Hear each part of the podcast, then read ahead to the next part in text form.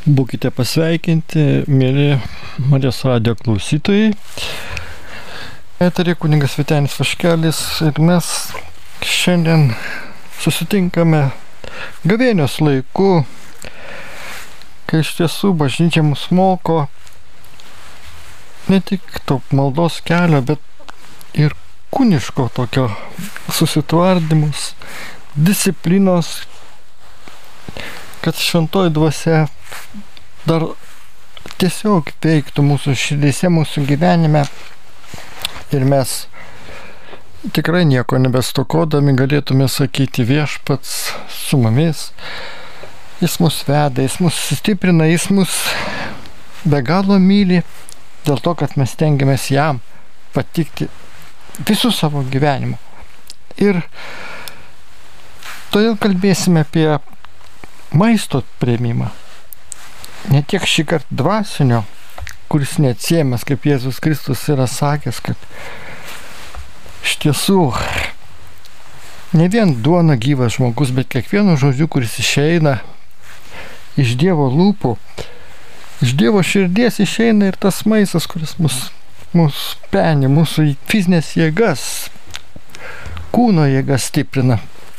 Be jo mes taip pat negalėtume egzistuoti šiam pasaulyje. Taigi susimustysime, kaip mes jį priemam, kaip vartojame, piknaudžiaujame ir apsirimo nuodėmė.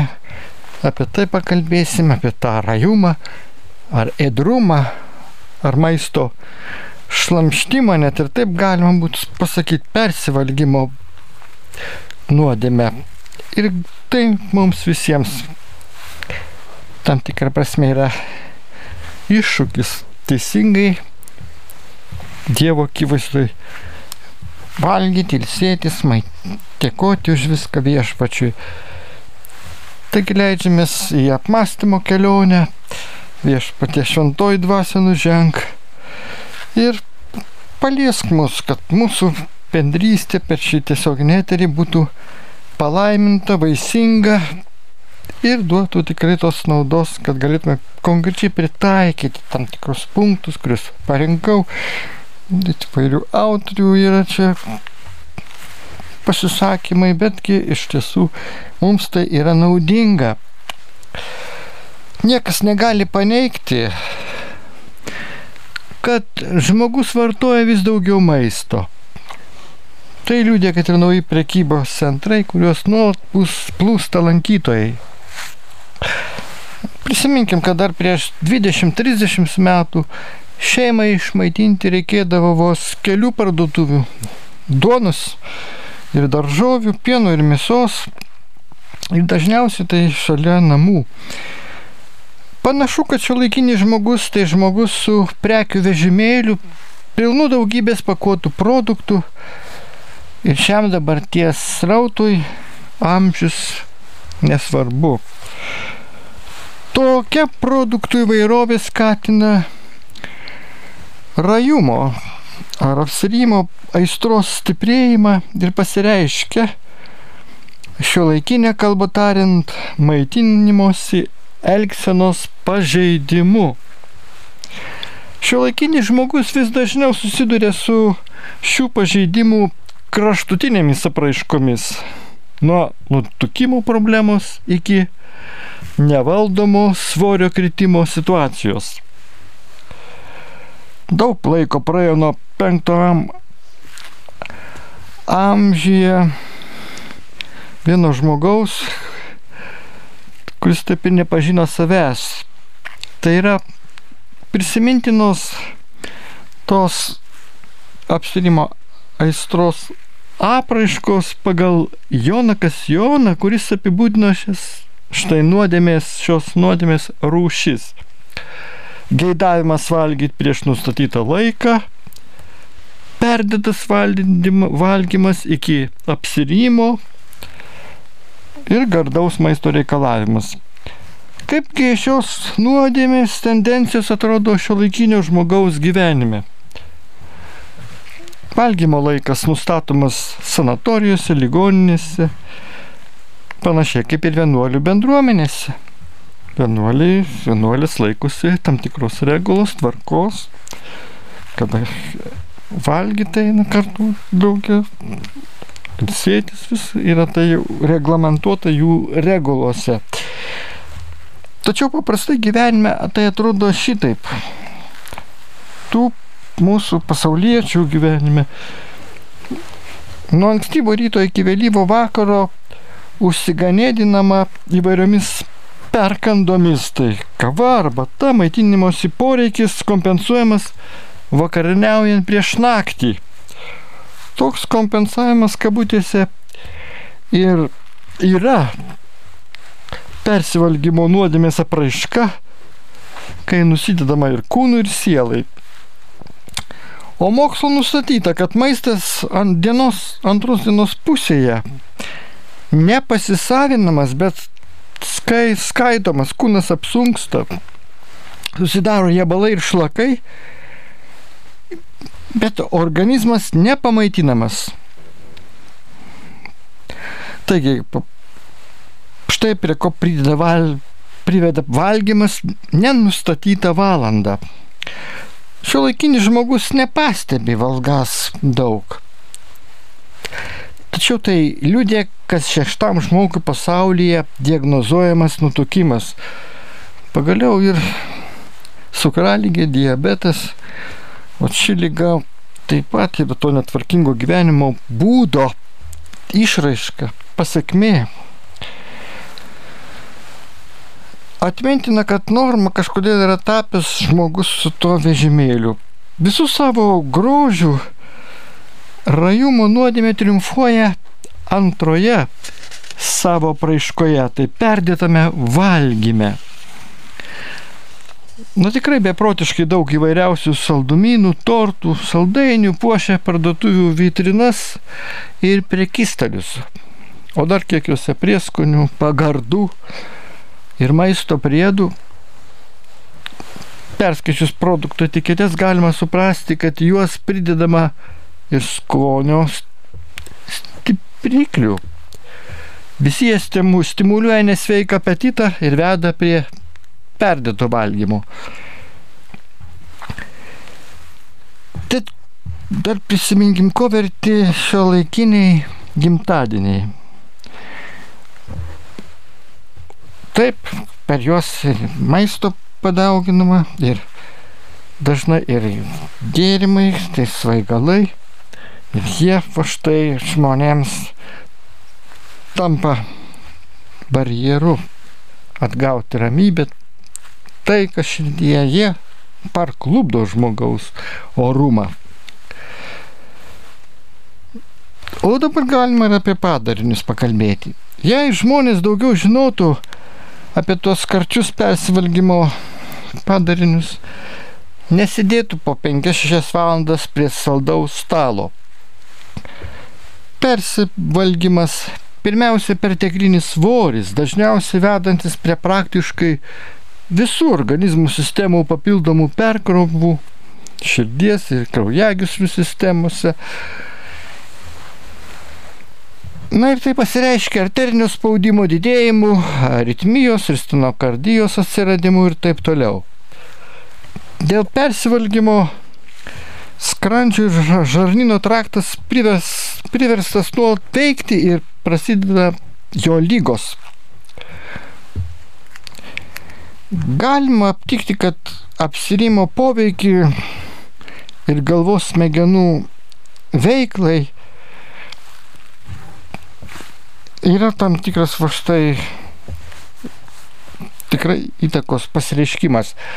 Argi po sočių pietų galima pasigirti aiškiu protu, gerą atmintimi. Tai yra tokia patarlė. Pilvas sotus, o galva tuščia. Kinta ir sielos kokybė. Kažkur dinksta atjauta, palankumas, noras padėti, o apie norą melstis jau nebėra ką ir nebėra ko net kalbėti. Tokios šio laikinio žmogaus padėties apraiškos, jų priežastis, jų daug, bet pabrėžtina, kad tarp jų esama ir visada buvusio, pavyzdžiui, kūno gyvenimas arba smaginimosi siekis, neteisingas saviprata ir naujų šiuolaikinių būtinybė užsikasti, stresą, vartojimo pramonės plėtra, žiniasklaida, reklama, na ir daug kitų priežasčių. Sveikos mytybos problema viena iš dar neįspręstų šiandienių problemų. Ir persivalgymas yra šios problemos sandas. Persivalgymo problemai būdingos ne tik fiziologinės, bet ir psichologinės priežastys padariniai. Pavyzdžiui, savęs nepriimtinumo psichologinė problema dažnai sąlygojama nepasitenkinimo savo išvaizdą, teigiamą savivaizdį grindžiant vertybiniais estetiniais vaizdiniais. Kaip parodė tyrimai, kūno sudėjimas arba žmogaus išvaizda stipriai veikia savęs vertinimą jau ankstyvoje vaikystėje. Žinom, kad apkūniųjų, nutukusių vaikų ne tik nemėgsta bendramžiai, bet ir suaugę auklėtojai juos jau žvelgia kritiškai. Todėl daugelis merginų mytybos reguliavimų mėgina keisti savo išvaizdą, ne visada išlaikydamos saiką, aišku, veikiamos mados, reklamos, primestų stereotipų. Kartais persivalgymas būna neįsisamoninama apsauginė reakcija į stresą, į situacijas, kurios atrodo neišbrendamos ir neišsprendžiamos. Matai, galim pasakyti, yra tas ir emocinis netvarkingas valgymas. Apie tai dar vėliau pakalbėsime. Kita psichologinė problema irgi kelianti vertybinių prasminių klausimų yra ėdrumo stimuliavimas, perdėtas gastronominių poreikių plėtojimas, valgymo kultas. Žiniasklaidos peršami ne visada sveikos mytybos stereotipai, poreikios skanuminams, o ne naudingiams valgiams plėtojimas.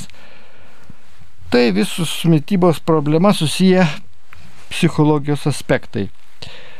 Taigi, pagrindinėmis laikytinos šio rajumo priežastys dvasinių požiūrių - supnutikystė, savimėlė, nekantrumas, puikybė, nepaklusnumas, sielos požiūrių, psichikoje nepasitenkinimas emo, emocijomis, gyvenime neįvykusi saviraiška, sumenkėjęs savęs vertinimas, tas menkavertiškumo kompleksas, nenusisekęs asmeninis gyvenimas, stresų gausa, jaudinimasis, nerimas, neigiamos emocijos, taip pat neurozės, depresijos, žalingi įpročiai, pagaliau šeimoje netinkamos nuostatos valgio atžvilgių, jo prieimimo atžvilgių. O štai kūno požiūrių arba fiziologijos galim sakyti, kad pasireiškia skrandžio žarnyno traktų ir skydliaukės susirgymai, visokios krimelinės lygos, apiskaitos procesų, apykaitos pažeidimai. Bet kokios aistros įveikimas įmanomas susivienius va dviems komponentams - žmogaus dvasios, sielos ir kūno triūsui ir Dievo pagalbai. Apsirimo įveika. Sunkus, žinoma, nelengvas darbas kokių priemonių imtis ir kokių sąlygų laikytis, pasak bažnyčios mokymo, norint susilaikyti nuo tokios paplitusios ir sunkiai išraunamos aistros. Na ir štai, susipažinkime, ką apie tai mokė dvasios askezės praktikos pradininkai. Pasak Sergijaus Zarino mokymo apie apsirymo įveikimo klausimas, ar žmogus laisvas nuo geismingumo maisto atžvilgių ar ne, ir ar normali jo mytyba krikščioniškosios askezės požiūrių išsprendžiamas tik teisingai, suprantant savo žmogaus psichikos santyki su šiuo veiksmu. Kaip primena bažnyčios tėvai, valgymą turi lydėti viena vertus padėka Dievui, o kita vertus savitvarda, suderinanti su poreikiu maisto kiekį, kokybė ir valgymo laiką, siekiant laiduoti savo kūnui sveiką budrumą ir tvirtumą, o ne išgauti pasitenkinimo dėl pasitenkinimo, vien dėl malonumo. Mat svarbiausia, ar su maisto valgymu susijęs pasitenkinimo jausmas yra antrailis, arba apie jo visišką išvengimą nėra nei ką kalbėti, kaip sako tėvas Evagrijus, nes po susilaikymo ir ilgalaikio pasninko net pasistiprinimas duona atrodo palaima. Na čia galime tik dėkoti viešpačiu, kuris sukūrė mūsų burnoje liežuvis su receptoriais skonio. Ir mes galim, taigi, va, tikrai net ir po tam tikrų susivaldymo, neragavę ilgesnį laiką maisto, dėl įvairių priežasčių, pavyzdžiui, paskui, kai tą pačią duonos plutelę, tai gabalėlį paėmėm ir neskubėdami ragaujam, taip iš tiesų nauji skonio va štai atsiveria tie pojūčiai, už, į kuriuos tikrai per daug nekreipdami dėmesio mes prisimenam aukščiausiai, kuris mums dovanoja ir maistą, suteikia ir tą va štai natūralų malonumo pojūtį burnoje. Ir tai visgi vėlgi Dievo dovana, viskas iš jo sukurta mūsų labui, kad neužmirštume jo, kad va štai prisimindami, ką jis mums teikia, mes jam tikrai tartume ačiū Taigi krikščionio gyvenimo tikslas - sudvasinti sielą, pertvarkyti aistros būsenas, įveikti dvasę kaustančią kūno vergyją.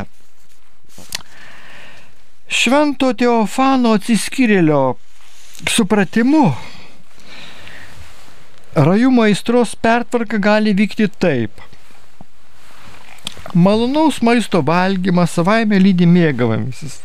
Tačiau, kai valgant, jaučiamas dėkingumas viešpačiui, mėgavimasis praranda tą jūslinį pobūdį, jis yra sudvasinamas ir pašventinamas. Kai valgoma norint pasimėgauti, pataikaujant vien kūno, net ir gašlumui, pasineriama į jūslingumą. O kai stiprinamasi su dėkingumu, tenkinant neišvengiamus tos fiziologinius poreikius, juntamas saldumas, nu, nevirsta tokių jūslinių, nevirsta tam tikrų stabų. Kartu su tuo keliant protą širdį, ir širdį Dievo link pas tas, na, tiesiog skonėjimasis maistu netgi yra atitolsta. Jis, galim dar sakyti, nebesudaiktinamas. Taigi pirmam plane viešpas ir žmogus santykius, o štai iškylantis tarp jų jų, nes žmogus dėkoja, garbina viešpatį už maistą, o viešpas tokiu žmogumi va štai džiaugiasi. Į klausimą, kaip maitinti saikingai, pavyzdžiui, štai arkimadritas Focijus atsakydavo taip, valgydamas daryk kryžiaus ženklą Taigi, čia galim sakyti prieš valgį, melsdamasis viešpatė palaiminks. Sotindamasis maistu blaiviai mąstyk, atvink viešpatį Jėzų Kristų ir sutelk dėmesį, pavyzdžiui, į skaitinius. Na, turim omeny, nu, vienuoliai čia, bet, bet galime mes irgi būdami kartais vieni, ar valgomajame, ar kam virtuvėje, irgi va, klausytis ir Dievo žodžio skaitant, skait, ar va, kurį girdėtume iš radio imtuvo, bet galbūt kartais net ir tyloje geriausias tas valgymo būdas, nes tada iš tiesų susitelkėme ir neskubame praryti burnoje kasnio, bet sukramtome ir vėl dėkojom Dievui už tos pačius dantis, kur, už kuriuos tikrai retas kas ir padėkojom, nes taigi vis tiek tai Dievo meilės šedevras. Visa, ką žmogus turi, Taigi visa tai yra vis dėlto ir kūnas yra pagal Dievo paveikslą ir panašumas sukurtas iš meilės mums. Taigi, kaip susilaik, sunku susilaikyti nuo to ma, maisto šlemštimo, būtent kartais atsirandusios aistros, jau rašė šventasis Nylas Orietis veikale, veikale apie aštuonias svarbiausias aistras ir apie jų nugalėjimą. Pirma ir svarbiausia aistra, o jis tai turėjo omenyje ją rajumo nuodėmę ir tai jis rėmėsi bažnyčios tėvų pavyzdžiais. Padavimo apie mūsų šventojo tėvo vienuolio Nylo Soriečio gyvenimą Celėje, taip pat tarmėje skaitome. Tos mintys nėra pasenusios ir mums net aktualios. Aštuonetas svarbiausio aistringų užmačių arba aistrų, iš kurių kyla daugelis kitur, kurios yra šios apsirimo, paleistuvystės, godumo, rustumo, liūdėsio, vangumo, tuštybės ir puikybės. Taigi, kaip matyti, bažnyčios tėvai į pirmą vietą iškelia apsirimo užmačią, manydami, kad iš jos kyla ir kitos aistros. Pirmiau bet kokio nusidėjimo kiekvienas žmogus patiria minties grumtynės, kurios baigėsi pergalę arba pralaimėjimu. Iš šios vidinės grums, grumtynės gali būti skirstumas iš jo kaip tokius tarpsnius. Pirmiausia, antpolis tai yra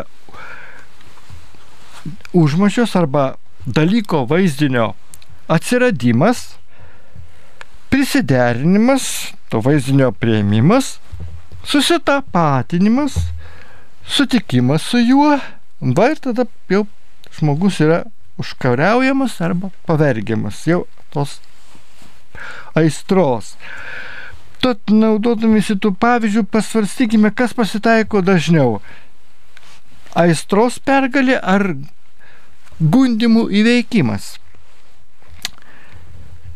Štai antpolis, tarsi girdėti. Padirbėjome, galime daryti pertrauką ir užkasti. Prisiderinimas. Kas nedirba, tas nevalgo, o padirbėjus nenuodėme ir užkasti. Dabar tas susitapatinimas. Juk sakoma, kad sveikame kūne sveika dvasia. Iš tai užkariavimas. Vakar per nedidelę pertrauką irgi spėjome pavalgyti, kam kaitalioti taisyklės. Aistra kenksmingas įprotis, bet jo nenorima atsikratyti. Ir štai Šventasis Nylas moko priešintis pirmą iš aistringųjų užmačių apsirimui, prisimenant viešpaties žodžius. Saugokitės kad jūsų širdis nebūtų apsunkusi nuo svaigalų, girtybės. Bet prisiminti mūsų protvį Adomą pasistiprinusi draudžiamų maistų, praradusi rojų ir užtraukusi mirti visiems savo palikonims. Norint aistrą įveikti, bažnyčios tėvai patiria ne tik melstis, bet ir tas vilingasias užmačias paversti geromis. Iš patristikos literatūros žinoma, kad viena veiksmingiausių priemonių įveikti nuodėmingą būseną yra priešingos savybės plėtojimas. Antai godumą įveikti padeda gailestingumo ūkdymas, rustumą romumo įgymas, tuštybė įveikiama nusižeminimu, vangumas būdravimu, o rajumas susilaikymu. Kas labiausiai paskatina žmogų susilaikyti? Ir štai vienas autorius atsako. Meilė Dievui, taip pat ir Dievo baimė, dėl galimos nuodėmis, kaip persivalgoma.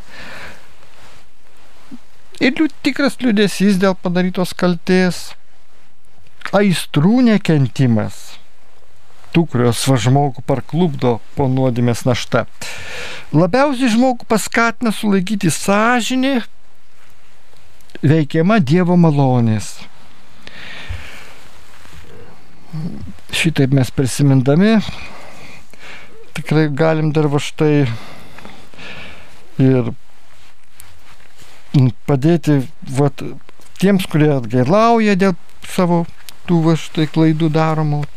Todėl toks šventasis Ignotas Berenčianinovas aprašo kiekvienai aistrai priešingą darybę. Ir raju, rajumo atveju tai susilaikymo darybė. Taigi, apsirimas įveikiamas susilaikymu, tai yra atsisakymu vartoti neprivalomą maistą ir gėrimus, na taip pat ir nebūtina vyną. Tikslus bažnyčios pasnikų laikymasis padeda pažaboti kūną saikingų maisto vartojimų. Ir be abejo, tai čia visą tai kyla iš dvasinio gyvenimo ūkdymo, kada mes va štai ramiai priemam tą va štai ateinančią, tai tą dieną, kada bažnyčia kviečia mus ir pasninkauti, ir laikytis abstinencijos, kada susilaikoma nuo mėsiškų patiekalų. Taip, mes suprantame, kad visa tai mūsų pačių labui, dvasinio gyvenimo ūkdymui skirta. Tad galim dar paklausti, kaip su apsirimo nuodėme kovojančiam žmogui gali pasiūlyti šiandienis pasaulis. Bet galim prisiminti tam tikrus ir, sakytume, krikščioniškos pedagogikos psichologinius aspektus. Taip pat ir mokslininkų patirtį, kuri naudinga gali būti mums. Čia kaip tik pasiremsiu vienos knygos aistros įveika, katalikų pasaulio leidyklos išleistos prieš kelius, kelius metus, kuriui pateikiama informacija apie maisto produktus, kurie mažina apetitą ta prasme, kad to produkto suvartojam mažiau. Tai yra suvalgyti, suvalgyti galime netiek daug. Šiuo atveju va štai rašoma toje knygoje valgoma vaikantis kūno sveikatingumo arba tam tikros netvarkingos lėsėjimo mados. Esama daugybė su rajumu dažniausiai pasireiškia antsvorių susijusių problemų specialistų.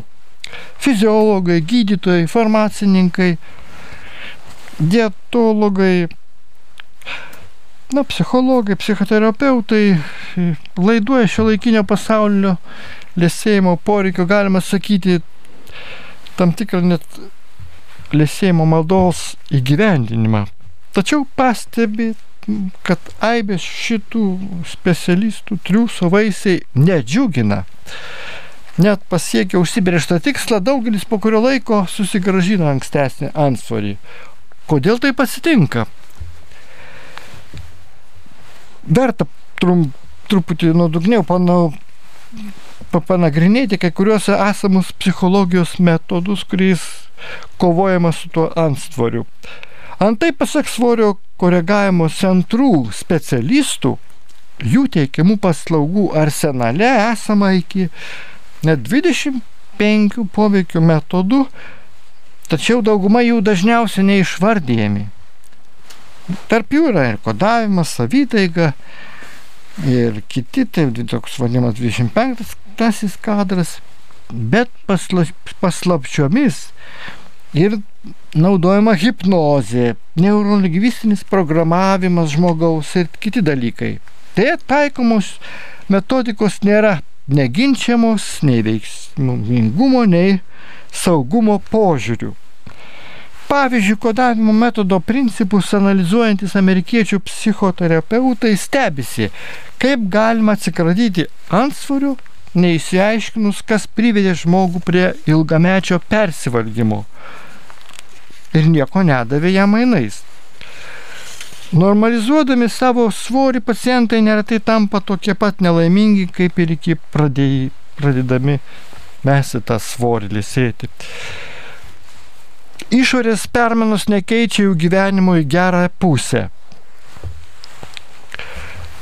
Tokio svorio koreguotojo, koks anksčiau buvo persivalgymas, nebuvimas veda prie psichikos ir emocijų įtampos didėjimo, o ši savo ruoštų didina psichosomatinių susirgymų, hipertonijos, bronchoasmos, širdies išėminės lygos ir kitų riziką. Kaip tik ir rodo kodavimo ir programavimo metodų skurdumą ir vienašališkumą, nes jie praktiškai nukreipti žmogaus kūną, na į tą kūno poveikį ir nesusiliečia su jo sielos ir dvasios sąranga. Taigi, sekdamas kodavimu, žmogus įterptais nurodymais tampa tarsi mašina, o juk laisvė labai branginama šio laikinio žmogaus suponuoja pasirinkimą ir kovą su savo negaliomis. Žmogus gali ir privalo įsisamonti perdėto potraukio maistui giluminės priežastis - tingumą, atsipalaidavimą, savęs laikymą vien kūno būtybę. Tokia savivoka padės jam vertinti visą tai kaip nuodėminga būsena, tokia būklė. Pasak statistikos, ansvaris kelia rimtą problemą kas šeštam žmogui. Siekdami ją įspręsti, kenčiantieji patarimo kreipiasi gydytojus, dietologus, grėbėsi įvairiausių dietų, na, konsultuojasi su psichologais. Kaip pripažįsta daugelis mokslininkų, viena iš daugybės persivalgymo priežasčių yra stresas. Ir štai specialistai siūlo streso įveikti įveikai panaudoti raminamos relaksacijos technikas.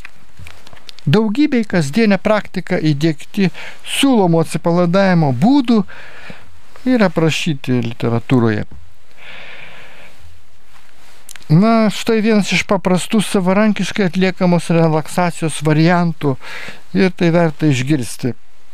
Štai kas rašoma. Įsijunkite ramią muziką, patogiau įsitaisykite krėslę, Samoningai, bet be įtampos atpalaiduokite įvairias raumenų grupės.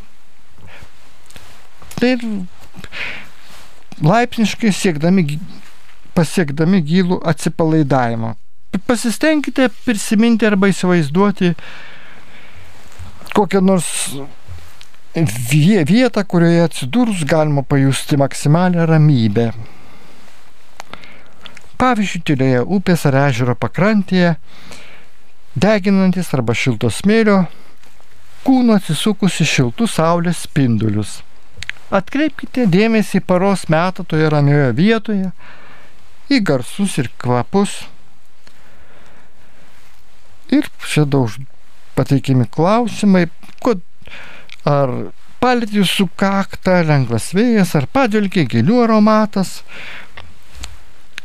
Ir ar buvo girdėti žuvėdrų kliksmai, Mintimis persikelkite į tą nerūpestingą vietą. Visiškai persimkite ramybės ir nerūpestingumo pojūčių. Pilnatiškai pasimėgaukite tuo. Sklandžiai grįžkite į budrumo būseną.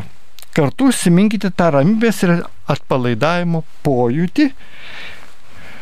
Į atmintį perkelti pojūčiai padės kasdien pasiekti atsipalaidavimo būseną vis, būseną vis lengviau ir net patogiau. Taigi relaksacija pati savaime negali išvaduoti iš visų problemų, bet padeda pasiekti pusiausvyrą kasdienybės suirutėje, leidžia pažvelgti į save ir susikloščią situaciją iš šalies, prisidedama, jei ne prie pačios situacijos, tai bent prie požiūrio į ją permainos. Staptelėkime, nes gauta yra SMS žinutė, ar daugiau, prašom tada paskelbti. Klausytoja Rosita klausia, garbėjai Jėzui Kristui, būnant, būnant nuolat namuose dažnai kažką užkandžiauju, nes arba reikia pakankamai pavalgyti, kad nebūtų nuolatinis alkis, arba nuolat kažką užkandžiauti. Jeigu tai netampa persirijimu, argi vis tiek tai nuodėmė? Kada jau nuodėmė? O, tikrai, protingas klausimas ir mes galim iškart pasakyti, kad iš tų jau girdėtų minčių, dar ir busimų apmąstymų. Taip, vis dėlto va toks va įprotis, nuolat užkančiavimas va toks, na tikrai nėra geras dalykas, nes vis dėlto mes tai darome ir nesamo, kartais tikrai visai nesamoningai. Vien tik tai tą kažkokį norėdami alkį ar ten patenkinti, bet to maisto, kurį priemam,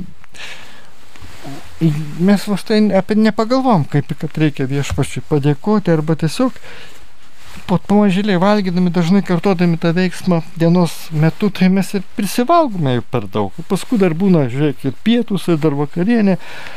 Na, va toks dažnas valgymas nieko gero neduoda, bet yra kaip ir alternatyva, jau žiūrint iš jau psichologų pusės, kad tikrai galima, pavyzdžiui, van, van, vandenėlį taip gurkšnoti iš mineralinį, tokį, kuris va štai ir tos gali ir šlakus tirpdo, ir, ir suteikia tam tikrą ramumą, bet čia vėlgi turėti motyvą turėti, kad vat, iš tikrųjų toks pakaitalas vat, yra naudingas, dėkojant Dievui už tavo štai supratimą, kad iš tikrųjų vietoj tų užkandžiavimų, vat, geriau vat, tikrai tuomet vat, dažniau priemant skyšių, kurių mūsų organizmui labiau reikia negu net maisto, kurį, kurio mes persisotiname.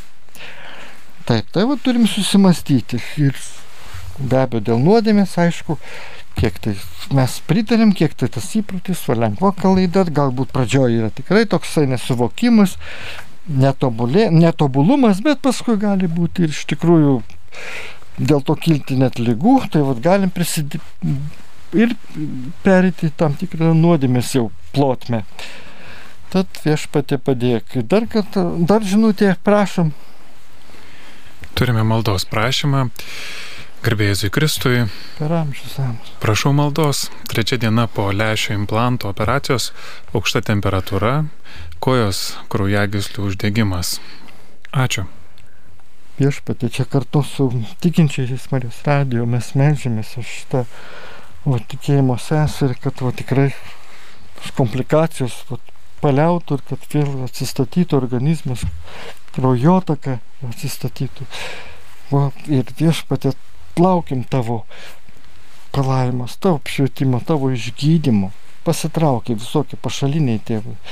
Dalykai, trikdžiai ties ne, atsiradė. Ir ten nužengia sveikata, ramybė, palaima. Ir tegul viešpas gydo ir išgydo. Dieve, atsiduodam tau šią štai intenciją, išlovinam tave, žinodami, kad ko prašome, Tai tikime, kad ir gausi. Dėkojam tau viešpatė. Garbė ir šlovė tau už tai, ką, kad tu mūsų maldą jau išklausėjai. Būk pagarbintas per amžius. Taip dar mes vat, apmastykime toliau va štai tą vat, priemonė, kur relaksacija, kaip sakėm, gali būti kaip pagalbinė tik tai priemonė. Bet reikia žinot, kad tos technikos relaksacijos gali būti tikrai ir netgi žalingos tam tikrą prasme.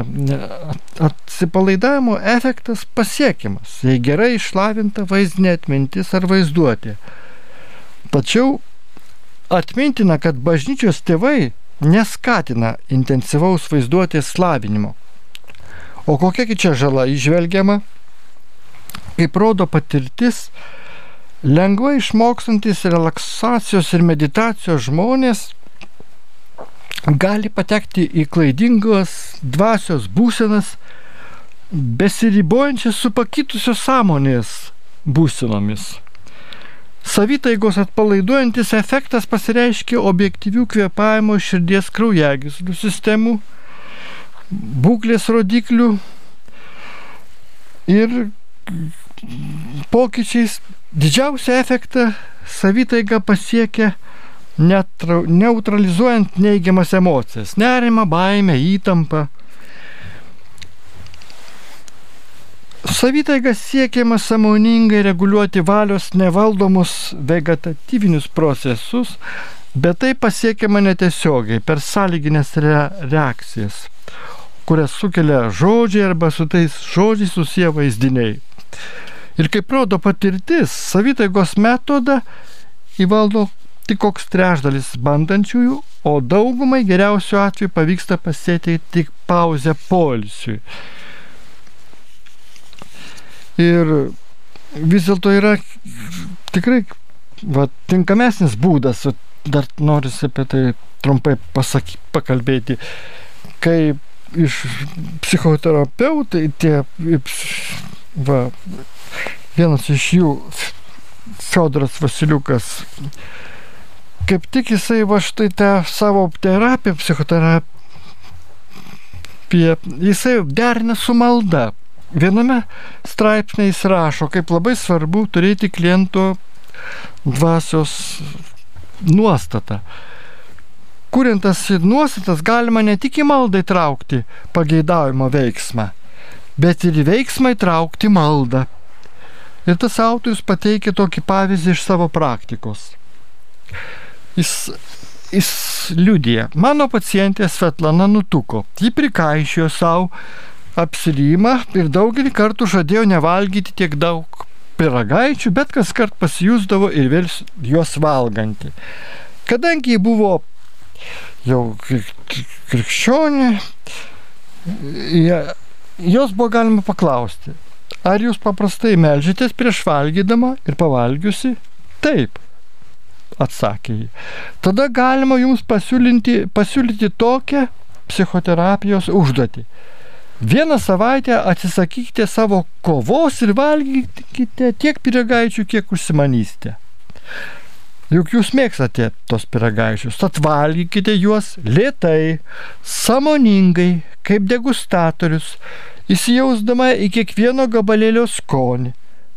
Tačiau melskitės nebaigusi valgyti, o po kiekvieno gabalėlio dėkodama Dievui būtent už to gabalėlio džiaugsmą.